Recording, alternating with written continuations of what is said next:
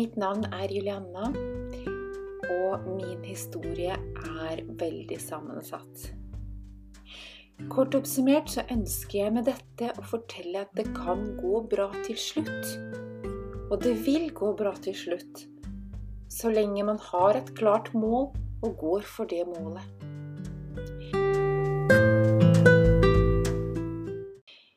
Jeg vil gjerne begynne historien min med å fortelle om hvordan jeg opplevde det selv.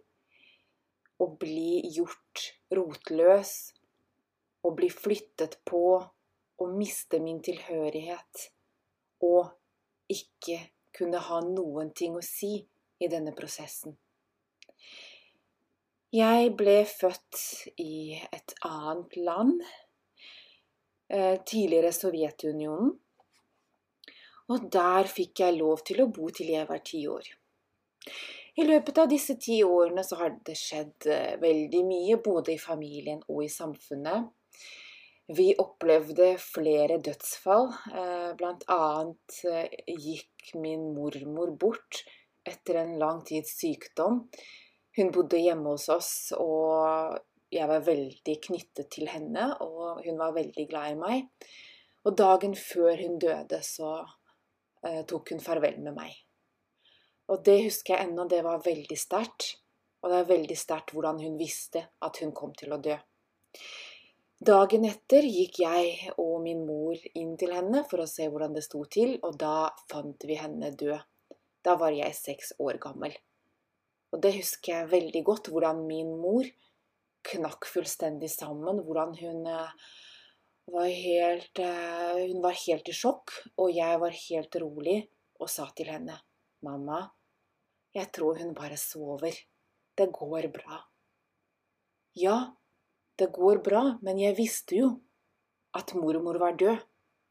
Og det vet jeg fordi jeg husker veldig godt alle de følelsene, alle de tankene jeg hadde som barn. Det husker jeg så utrolig godt. Og fra den dagen så har jeg vært den personen som har stilt opp for andre, som har vært der i tunge stunder, som har vært der i sorg, som har lagt min egen sorg til side for å være der og lytte. Det som så skjedde, hvis vi spoler da fire år fremover i tid, så befinner jeg meg i en situasjon jeg ikke kan påvirke. Jeg er ti år. Min far hadde vært og reist de siste fire årene. Sovjetunionen hadde falt. Økonomien eh, var ustabil, inflasjonen var et faktum. Alt det vi hadde arvet etter mine besteforeldre, hadde blitt borte, Jeg mistet sin verdi. Eh, min mor hadde kjøpt seg strømpebukser av eh, de pengene vi fikk for eh, huset til mormor. Da kan du tenke deg hvor stor inflasjonen egentlig var. Og jeg forsto ikke helt hvorfor jeg ikke kunne få de lekene jeg ønsket. Hvorfor jeg ikke kunne få alt det jeg ønsket. Og når min far hadde vært ute og reist, så var han blitt litt fremmed for meg. Han hadde vært på besøk en gang i året. Det kan jo sammenlignes med å ha samvær en gang i året. Og hver gang han dro, så ble jeg veldig lei meg, men hver gang han kom tilbake, så var det som om han var fremmed for meg. Han var liksom ikke en pappa. Han var en far langt borte. Og jeg klarer ikke helt å sette ord på hvordan det var for meg å møte han såpass sjelden, men jeg fikk jo en veldig god tilknytning til min mor. Og når jeg plutselig fikk vite at min far hadde funnet seg jobb i Norge, og planla å ta meg med, så hadde jeg plutselig ingenting å si. Jeg kunne ikke si at nei, men nå har jeg bodd her i alle år. Jeg vil bli her sammen med moren min. Jeg kunne ikke si det, og jeg prøvde å si det. Jeg sa at jeg vil gjerne bli med deg og se hvordan det er i Norge, men jeg vil helst bli her. Men min far brydde seg ikke om hva jeg hadde å si, fordi jeg var eh, tross alt bare et barn fremdeles. Og det var han som bestemte hva som var barnets beste. Og det var da jeg ble først kjent med begrepet barnets beste. Det som var barnets beste i min fars øyne, var ikke barnets beste i barnets øyne. Barnet ønsket å bli igjen hjemme og få lov til å vokse opp og selv kunne bestemme hvor man ønsket å bo. Hvem vet, kanskje jeg som 16-åring ville selv valgt å komme til Norge og bli gjenforent med min far, og kanskje til og med min mor kunne vært med. Ikke vet jeg, men det som skjedde, var at den sommeren i 1996 så tok faren min meg med. Da plutselig måtte jeg bare pakke sammen og bli med enten jeg ville det eller ikke. Men hva med mamma? spurte jeg. Nei, hun har noe papirkrøll som hun må ordne opp i, så hun får ikke blitt med, med oss, men hun kan bli med oss senere. Hun kan komme senere, sa han. Men hvor senere? Var det snakk om en uke, en måned, et år? I barnets øyne var senere et veldig vagt begrep. Barnet på ti år kunne ikke forstå hva senere betyr. Barnet forsto bare at mamma kan ikke være med. Hvorfor må jeg dra fra mamma igjen? Så året gikk. 1996 ble til 1997. Da fikk jeg endelig lov til å besøke mamma. I hele det året som hadde gått, tolv måneder, så hadde jeg håpet hver eneste måned om å få samvær med min mamma. Men det var jo ikke lett å få samvær når det var over 2000 km å reise. En reise som var veldig tung og krevende å gjennomføre, både for voksne og barn. For å reise hjem så måtte vi enten ta to flyturer på to timer hver med ganske mange timer imellom. Eller så måtte vi ta toget, en tur som var 18 timer lang. Som regel så tok hele reisen fra Norge og til mitt hjemsted det tok nærmere 24 timer. Og første gang vi reiste, så tok det 48 timer. Det var fordi at flyturen samsvarte ikke med videre reise. Vil si at etter at vi har ankommet St. Petersburg, så måtte vi vente på å reise videre til Oslo. Og det var veldig vanskelig å finne en reiserute som var kortest mulig, så uansett hvordan man eh, vridde på det, så, så ble det en veldig tøff og lang reise. På den tiden så var ikke togene av så veldig høy standard heller. Og jeg husker at uh, det, var, uh, det var kaldt. Uh, det, det, var gjennomtrekk. Um, det var mye risting. Det var vanskelig å sove på den turen. Så selvfølgelig kunne man ikke få til månedlige samvær, og ikke hver tredje måned engang. Så da måtte jeg pent vente på, på å reise hjem igjen i 1997. Der fikk jeg lov til å være hjemme i en, et par ukers tid. Det husker jeg ikke helt nøyaktig, men jeg husker den dagen jeg skulle dra. Og igjen kom det spørsmålet hvorfor må jeg dra? Hvorfor tar du med meg tilbake igjen? Hvorfor kan ikke jeg bli hos min mamma? Hvorfor kan ikke jeg bli hjemme? For dette var mitt hjem. Det nye landet jeg hadde kommet til, det var bare et sted jeg var på besøk. Jeg ville ikke tilbake dit nå. Nå hadde jeg vært og sett det landet. Nå ville jeg bli igjen hjemme. Men nei, jeg måtte tas vekk. Jeg måtte til det fremmede stedet, til det fremmede landet, de fremmede menneskene. Jeg måtte tilbake. Jeg forsto ikke hvorfor. Men det var veldig trist, jeg måtte holde tårene tilbake, jeg kunne ikke vise følelser. Jeg måtte pent adlyde. Så jeg forstår veldig godt hvordan det føles for et barn når et samvær avsluttes. Hos meg så var det jo et mye større skala. Der var det snakk om 2000 km, og det var snakk om flere dager i strekk, og om flere år i strekk etter det. For det gikk nemlig to år igjen før min mamma kunne komme. Jeg husker da hadde de åpnet et ny, ny flyplass på Gardermoen. Da var det ikke lenger Fornebu som jeg selv hadde landa på, Men nå dro vi til Gardermoen for å møte moren min der. Nå fikk hun endelig bli gjenforent med meg, og jeg fikk endelig familien min tilbake. Eneste som ble igjen hjemme, var min bror, som allerede var voksen og hadde rukket å etablere seg.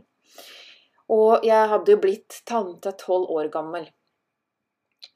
Så historien min endte jo ikke der. Selv om jeg hadde mine foreldre til stede, og jeg kunne være med begge foreldrene mine, så følte jeg likevel at dette var jo ikke mitt hjem. Dette var ikke Det var ikke her jeg hørte til. Og det ble ikke akkurat bedre av at den skolen jeg gikk på, eh, jeg hadde et veldig dårlig miljø. Jeg ble ofte mobbet og fryst ut og kalt eh, utlending. Og jeg ble kalt eh, annerledes og veldig mye rart. Ja, jeg var annerledes på den måten at jeg hadde en tro på noe større enn meg selv. Jeg visste at det var noe annet mellom himmel og jord.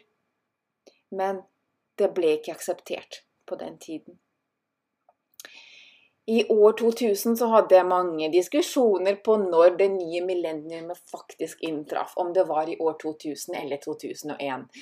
Og jeg valgte å tro på det de færreste trodde på. Hvorfor? Fordi det var det jeg trodde på. Jeg brydde meg ikke hva flertallet mente, jeg brydde meg om hva jeg selv trodde på. Og det var slik jeg ble oppmerksom på mine egne troer. Og det jeg trodde på, det ble min sannhet. Og det jeg trodde på, var at hjemmet mitt lå ikke her i Oslo. Det lå der borte, 2000 km unna. Tolv år gammel ble jeg veldig syk. Jeg satt og så på TV en kveld og kjente at jeg frøs litt. Det var nok sent på høsten.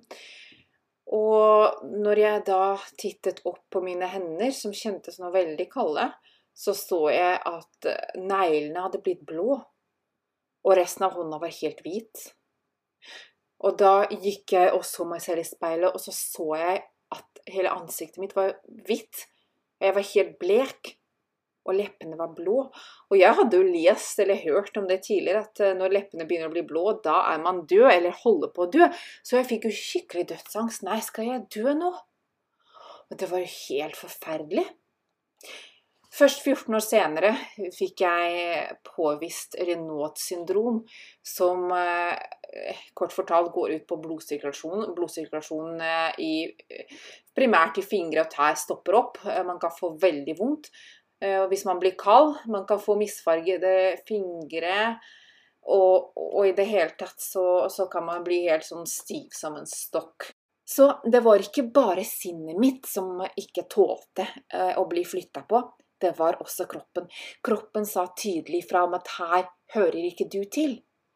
Men det var ingen som lyttet. Det var ingen som brydde seg om at jeg ville hjem. I løpet av hele min ungdomstid sleit jeg veldig min identitetskrise. Jeg husker da jeg var 15 år, så var jeg i samtale med læreren min på skolen, som spurte meg rett ut. Har du det bra hjemme? Ja, hjemme hadde jeg det helt fint. Men greia var at jeg var ganske utagerende. Eh, jeg gikk med fargerike klær, jeg hadde gullstriper i håret. Jeg prøvde å bli sett. Men på skolen opplevde jeg veldig mye mobbing, utfrysing, utestenging. Og i tillegg til at jeg rett og slett hadde mistet meg selv. Jeg visste ikke hvem jeg var lenger. Jeg var jo rotløs. Og jeg følte at jeg ikke hørte til noen steder. Jeg prøvde desperat å høre til i ungdomsgrupper, i klassen, i andres klasser. Men uten nytte. Det var liksom ikke helt riktig. Og når jeg eh, ble 20 år gammel, så ble jeg ganske deprimert. I tillegg så ble jeg dumpet og opplevde altså eh, kjærlighetssorg. Og denne sorgen la grobunn for den depresjonen som brøt ut da jeg var 20.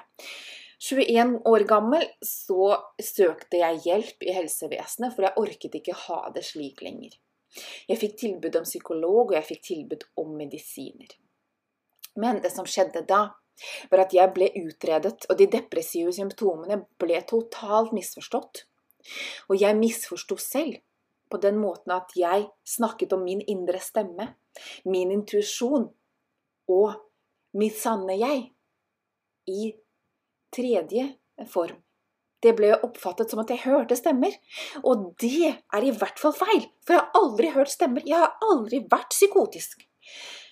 Men jeg var litt for medisinert til å kunne bry meg om noen diagnose, så lenge jeg fikk noen å snakke med. I 2008 så ble jeg gravid, og jeg bodde fremdeles hjemme. Jeg bodde hos mine foreldre.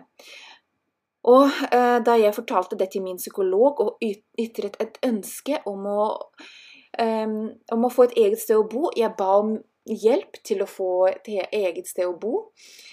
Så syntes jo psykologen min det var kjempeflott. Og da fikk jeg tilbud om å eh, flytte på Nanna Maries hjem. Hvor jeg da kunne få noe hjelp med barnet mitt. Eh, og, og, alt, for jeg skulle jo bli alenemor. Jeg var jo bare 21 år gammel. Jeg fylte da 22 i 2008. Eh, og eh, da tenkte jeg ok, det var jo kjempefint, men jeg kan jo ikke bo her, for jeg har jo ikke råd. Jeg har jo ingen jobb, jeg har ingen utdanning. Jeg har ikke råd til å betale den husleie. Ok, sa psykologen min. Da skal vi finne et tilbud som er gratis, men da må du samarbeide med barnevernet. Ok, tenkte jeg, de er jo der for å hjelpe. Men slik begynte historien om bedrag, om naivitet, om hvordan man som ung alenemor kan bli ført bak lyset. Ja, jeg hadde stor tro på barnevernet. Og jeg inngikk frivillig et samarbeid fordi jeg hadde jo bedt om hjelp. Men det som skjedde, var at min psykolog sendte en bekymringsmelding for min omsorgsevne. Og det var jo ikke jeg klar over. Jeg trodde at jeg hadde bedt om hjelp, at det var derfor jeg skulle flytte på et mødrehjem som var gratis. Ja, jeg ba faktisk selv om å bli flyttet på mødrehjem. Og det angrer jo jeg på den dag i dag, men det var en verdifull erfaring. For når jeg fikk tilbud om å flytte inn på Aline spedbarnssenter, så trodde jeg at oi, jøss, her får jeg virkelig hjelp til å bli en god mor for mitt barn. Jeg får hjelp og støtte gjennom en tung tid som en dumpet ung alenemor. Barnefaren hadde jo forlatt meg veldig tidlig i svangerskapet, og det var en veldig, veldig vond følelse. Og den følelsen av å ikke høre til noe sted, den ble faktisk dempet da jeg fikk vite at jeg hørte jo faktisk til der. Jeg kom til et sted jeg kunne høre til, hvor jeg kunne finne likesinnede alenemødre. Men da jeg først fikk tilbud om å flytte inn der før fødselen, så opplevde jeg noe helt merkelig. Jeg fikk en veldig vond magefølelse. Energien der var trykket. Det var noe som ikke stemte, som jeg ikke klarte å sette fingeren på. Men det var et sted jeg ikke ville være. Jeg fikk en sterk følelse av 'kom deg vekk herfra', her vil ikke du være'. Men den følelsen måtte jeg undertrykke, fordi jeg tenkte at kanskje det var angst for et nytt sted. Jeg hadde jo opplevd flyttinger, jeg hadde jo flyttet ikke bare fra mitt hjemland, men også innad i Oslo hadde jeg allerede rukket å flytte flere ganger. Ja ja, det var jo bare angst, tenkte jeg. Men så ble den følelsen sterkere og sterkere. Jeg kunne oppleve å våkne på natta av mareritt og vonde drømmer. Følelsen av rotløshet vokste i meg. Igjen fikk jeg følelsen av her hører ikke du til, her skal ikke du være. Så når jeg tok dette her opp til slutt med min ansvarsgruppe, eh, min saksbehandler i barnevernet, så sa jeg fra at tusen takk for tilbudet, men jeg føler ikke at jeg ønsker å ta det imot. Så jeg tror jeg takker nei til tilbudet deres om hjelp, men jeg vil gjerne ha hjelpetiltak hjemme. Ok? Det er lov å ombestemme seg, fikk jeg høre. Du kan godt få reise hjem hvis du vil nå. Da var jeg åtte eller ni, ni måneder på vei. Det var i august 2008. Jeg ble jo veldig glad for at jeg bare kunne reise hjem når jeg ville, men så fulgte det et men. Men det er frivillig bare frem til fødsel. Etter at du er født, så må du tilbake hit. Ellers plasserer vi barnet på et akuttvedtak. i beredskapshjem. Og da var det som om noe bare sank i meg. Blodsirkulasjonen stoppa opp. Jeg følte at jeg ble likbleik. Jeg frøs til. Og jeg spurte, hva mener du? Er dette tvang? Blir det tvang etter at jeg har født? Frivillig tvang kan du kalle det, fikk jeg til svar. Frivillig tvang. Nå husker jeg det ordrett, akkurat slik det skjedde. Frivillig tvang. Jeg husker at jeg dro hjem, og jeg var så fortvila. Og da bare svartner det til. På et tidspunkt så følte jeg at jeg kom til å føde der og da. På et annet tidspunkt så gikk kroppen min i frys og ville ikke. Den ville ikke samarbeide. Jeg husker svært lite av tiden frem til fødsel fra det tidspunktet.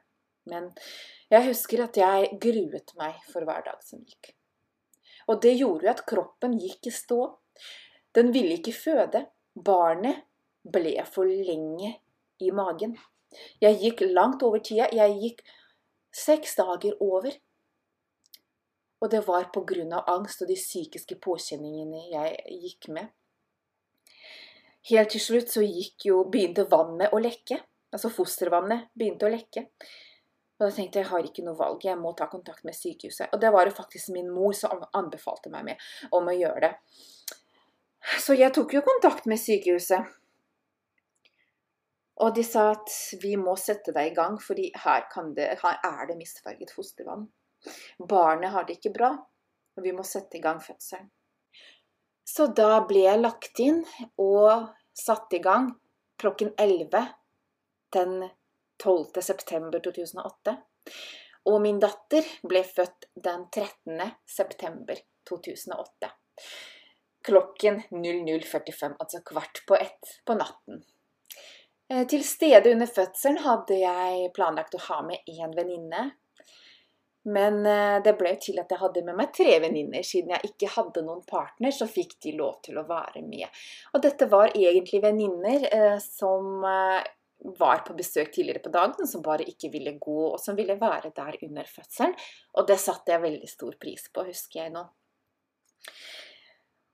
Og etter at eh, barnet var født, så var jeg da på sykehuset i totalt fem dager. Egentlig så var jeg utskrivningsklar etter tre dager, for jeg var i god form, og jeg hadde det fint, og barnet hadde det fint, og alt sto bra til. Men det var ikke ledig plass på Aline. Og da fikk jeg ikke lov til å dra hjem i mellomtiden, noe jeg så på som en ekstra belastning i en ellers sårbar tid. Og ikke nok med det. I løpet av de fem dagene jeg var på barsel, så lå jeg på et dobbeltrom. Eh, og da var det jo en annen dame som, eh, som lå på den andre sengen, som jeg delte rom sammen med. Og denne damen hadde stadig kjæresten sin på besøk. Han kom og gikk, og han kom og gikk. Og de var så lykkelige over å ha fått dette barnet. Så ble hun skrevet ut. Og da kom det inn en ny dame. Og hun hadde også mannen sin på besøk. Og de var også veldig lykkelige. Og så kom det enda en tredje dame, og heller ikke hun var alene. Så det ble skiftet ut tre personer på den andre sengen mens jeg ble liggende der. Og eneste besøket jeg fikk, var av min mor, som kom med noe mat og blomster. Og jeg følte meg jo så alene. Og den følelsen av rotløshet kom tilbake, den ensomhetsfølelsen. Jeg er alene, mor. Jeg har ingen partner. Ja, jeg er glad på andres vegne, men jeg skulle ønske at jeg hadde noen som kunne dele denne gleden med meg, at jeg hadde fått et barn. Barnets far var eh, veldig langt unna, han eh, bodde i Trondheim. Og han eh, gadd jo riktignok ikke å komme på besøk bare for å overvære fødselen eller være med meg på barsel. Det ville også vært litt unaturlig i og med at vi egentlig hadde gått fra hverandre. Så jeg føler at enten så formidlet ikke jeg det nok, eller så ble ikke det tatt hensyn til at jeg ble plassert på et rom sammen med andre som hadde partner. Eh, at ikke det ble tatt hensyn til mine følelser som alenemor. Så kom jo den dagen jeg skulle skrives ut og hentes til Aline. Og igjen eh, fikk jeg den her dårlige energien innover meg. Jeg begynte å gråte. Her vil ikke jeg være.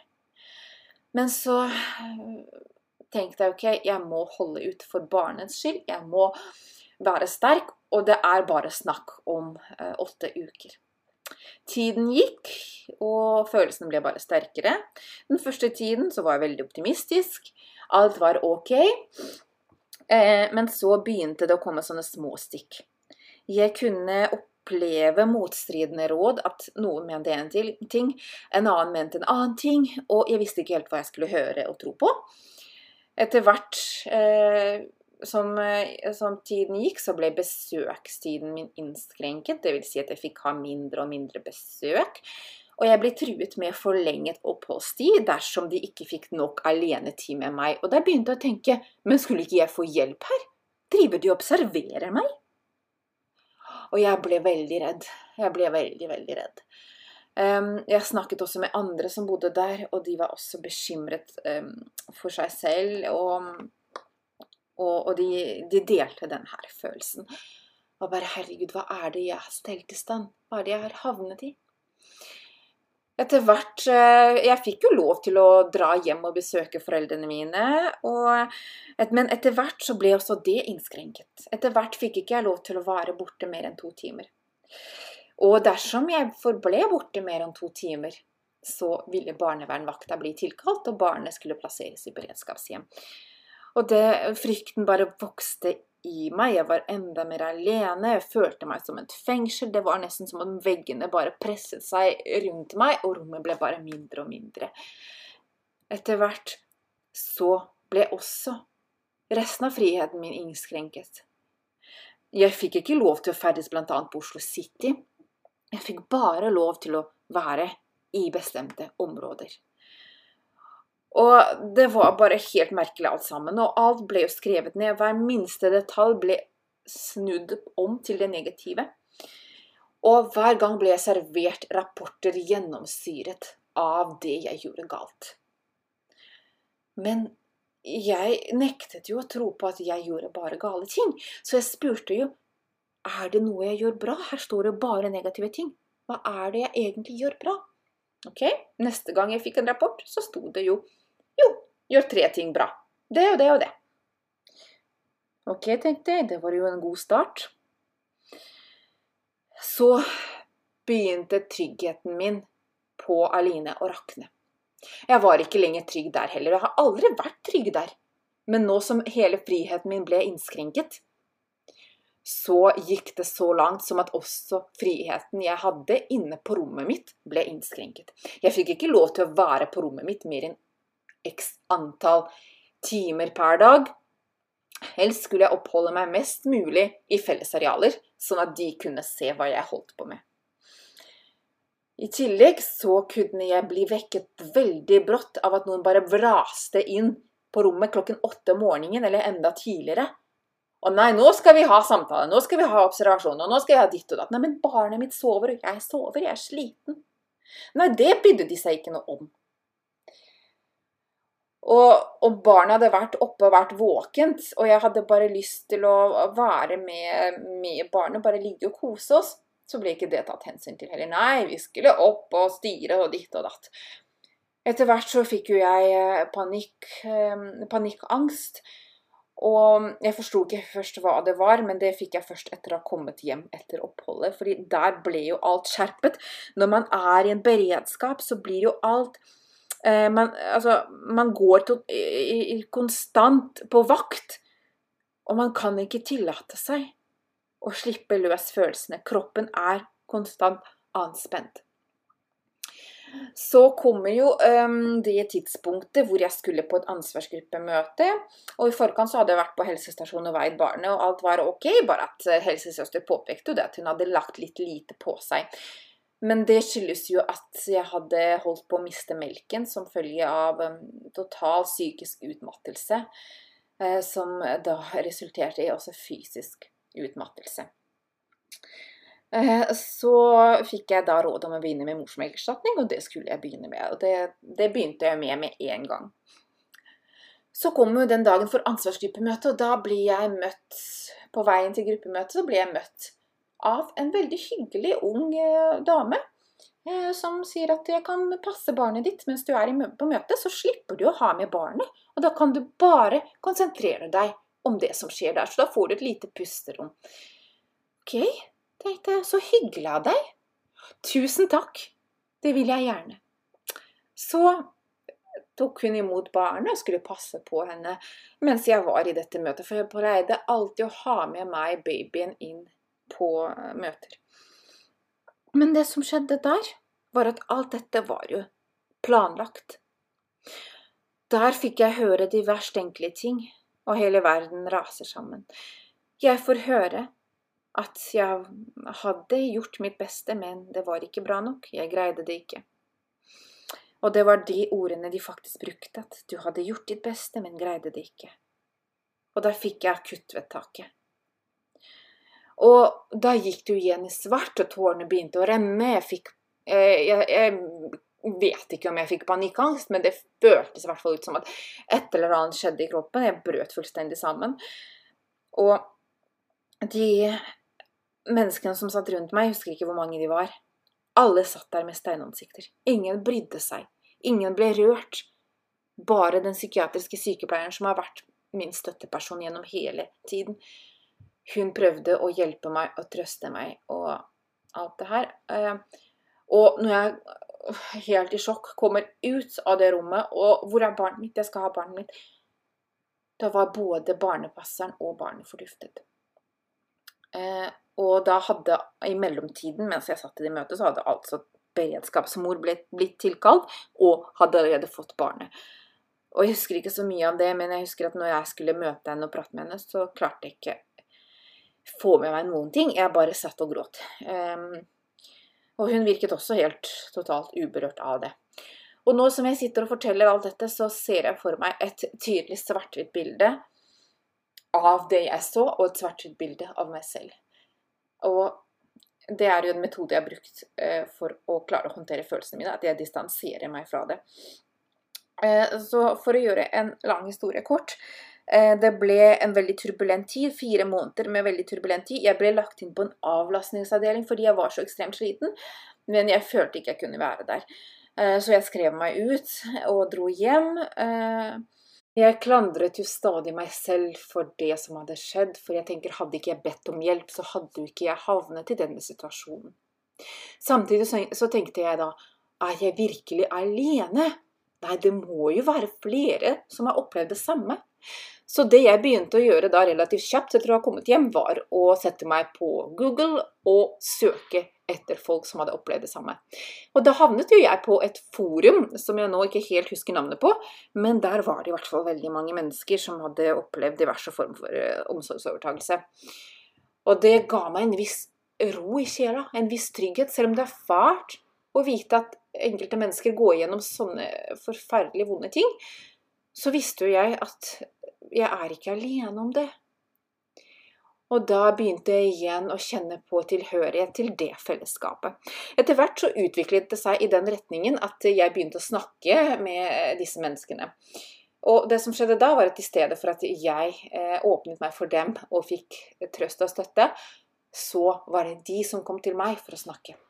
Og igjen fikk jeg bekreftelse på denne terapeutrollen som jeg til slutt valgte å gå fullt inn i og utdanne meg til terapeut. Ehm, jeg fikk mye hjelp av foreldrene mine. Eh, de stilte opp for meg, og venninna mi stilte opp for meg. Og jeg husker det ved et tilfelle at eh, jeg og venninna mi var ute og gikk, og så plutselig så kjenner jeg at beina mine bare svikter, og jeg kollapser fullstendig.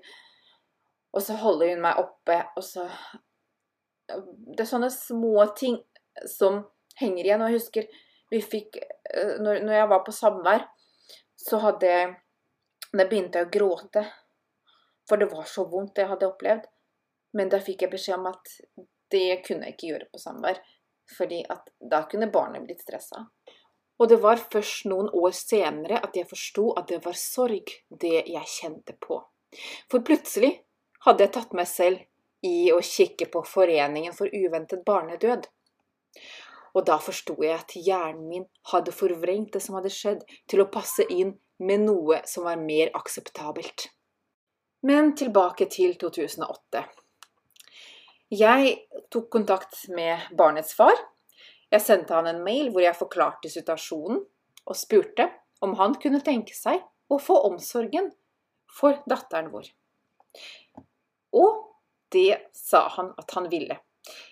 Han brukte jo litt betenkningstid, jeg regner med at han måtte ta en prat med foreldrene sine, men alle var veldig positive til at han skulle få omsorgen, selv om han bodde i Trondheim. Og dermed så bestemte advokatene våre seg for å jobbe for det, at barnet skulle bli tilbakeført til far. Eh, jeg hadde en veldig dyktig advokat, og det hadde han også. Og det var veldig lenge til vi var liksom 50-50. Far fikk komme til Oslo på samvær. Eh, og en dag i februar 2009 så hentet faren henne. Og da tok de toget oppover til Trondheim om natta. Da husker jeg hele den natta der. Jeg var så nervøs, jeg hadde så mye angst at jeg rett og slett ikke kunne sove. Men etter det så ordna det seg gradvis, sånn sakte, men sikkert. Og vi fikk da Eller jeg og min far eh, dro på samvær. Og vi fikk da samvær hver tredje måned. Og etter hvert så begynte jeg å reise alene.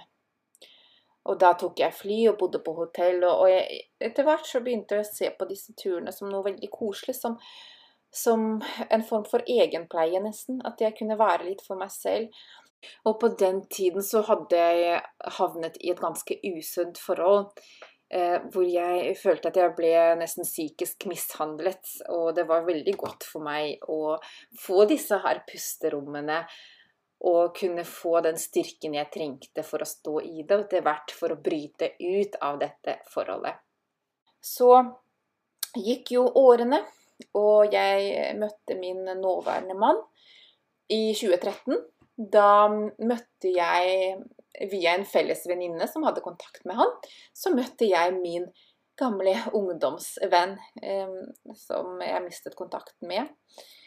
Så møttes vi igjen, og, og da ble vi ganske fort sammen. Og så ble vi gift året etter, og i 2015 så kom sønnen min til verden. I 2016 så fikk jeg en ny datter. Og etter at jeg fikk de to minste barna, så ble det selvfølgelig mye mindre reising, men da kom min eldste datter og hennes besteforeldre ofte på besøk. Og så har vi vært og besøkt dem et par ganger, så det har gått veldig bra. Men så, i 2017, ble barnevernet koblet inn igjen pga. min manns fortid. Som da kom frem i lyset, dessverre, i møte med helsevesenet. Og jeg kjente at den angsten veltet opp igjen i meg. Eh, det var jo Selv om det hadde gått ni år, så var det jo veldig sterkt. Og jeg ba om hjelp jeg ba min, en bekjent om hjelp. Hun eh, var teta healer. Og jeg ba henne om hjelp. Og hun sa jeg ser et klart skille i livet ditt da du var ti år. Der skjedde det noe. Så fortalte jeg henne hva som hadde skjedd. Så hjalp hun meg å balansere følelsene mine og ta, ta, kontroll på angsten. Samme år, altså i 2017, så hadde jeg akkurat begynt på helseterapistudier og på en LP-practitioner. Så da hadde jeg faktisk noen teknikker i bakhånd som jeg også kunne bruke. Det ble jeg mer og mer trygg på at jeg kunne. Så når jeg gikk i møte med barnevernet det året, så var jeg veldig bevisst på både språket mitt og kroppsspråket mitt. Og jeg brukte disse NLP-teknikkene til å faktisk ta kontroll i samtalen og ta kontroll over hele møtet. Det inntrykket jeg gikk ut med, var at de var mer redde enn meg enn jeg var redde dem. Og det var en veldig rar følelse. Men jeg vet at magefølelsen min stemmer. Eh, selv om de klarte, eh, imot min vilje, altså uten mitt samtykke, så klarte de allikevel å grave frem historikken min, så ble jeg veldig positivt overrasket over tilbakemeldingen om at du har utviklet deg så utrolig mye. Vi forstår ikke hvordan dette kunne ha skjedd deg. For du er jo så oppegående akkurat nå. Og det ga meg mot og håp om at dette kom til å gå bra. Og det gjorde det. Saken ble avsluttet i eh, 2019. Men så ble, den, ble, jo en ny undersøkelse åpnet da min sønn fikk en autismediagnose. Da mente barnehagen at eh, vi trengte hjelp. Men da var jeg plutselig mye tryggere på meg selv, og mye tryggere på hele situasjonen. Og mye tryggere på at jeg hadde kontrollen. Det er jeg som har kontrollen på mitt liv. Det er ikke omstendighetene som har kontrollen på meg. Så etter, det, etter, at jeg igjen møtte barnevernet, så var jeg mye mer trygg på at de var der for å hjelpe. Og det sa de også til meg. De trygget meg hele veien om at vi er der for å hjelpe dere. Vi har ikke tenkt å ta barna deres, men vi har tenkt å gi dere hjelp, sånn at dere får en best mulig hverdag sammen med barna deres. Og bare det å høre det ga meg så enormt mye trygghet. Og jeg ble jo bare helt rørt over hvordan en etat som har gjort meg så mye skade, for bare elleve år siden plutselig kunne gi meg så mye hjelp og støtte. Hvordan kan noen som nesten tok livet av meg, plutselig tilby meg hjelp? Og da kom jeg til å huske på alle de samtalene jeg har hatt både med foreldrene mine og med vennene mine, som rådet meg til å ikke få flere barn, for de mente at har det skjedd én gang, så vil det skje igjen. Men jeg sto på mitt. Jeg visste at det kom til å gå bra neste gang. Jeg nektet å la meg kontrollere og la min frihet være innskrenket av en frykt for at det samme kan skje igjen. Jeg hadde lyst på flere barn, og jeg skulle få flere barn. Og det samme skulle absolutt ikke skje igjen.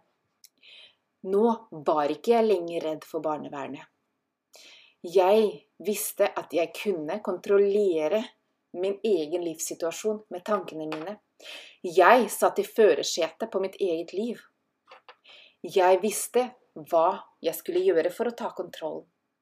Og jeg visste at jeg måtte se fryktene i øynene for å møte den, for å vinne over den. Og jeg er jo veldig glad i metaforer, for jeg er veldig visuell som person.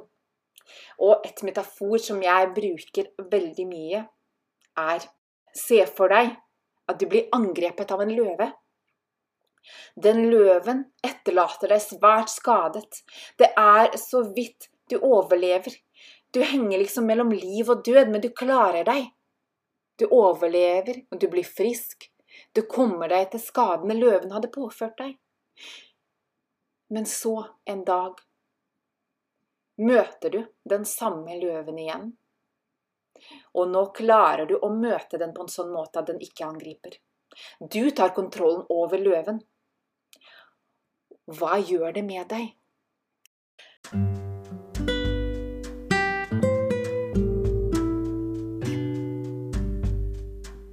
Så med dette vil jeg si tusen takk for at du hørte min historie. Og jeg håper at du ble inspirert. Dersom du selv står i en vanskelig situasjon, så vit at det blir bedre. Det som ikke dreper deg, gjør deg sterkere. Det er ikke bare en klisjé, det er en sannhet. Takk for meg.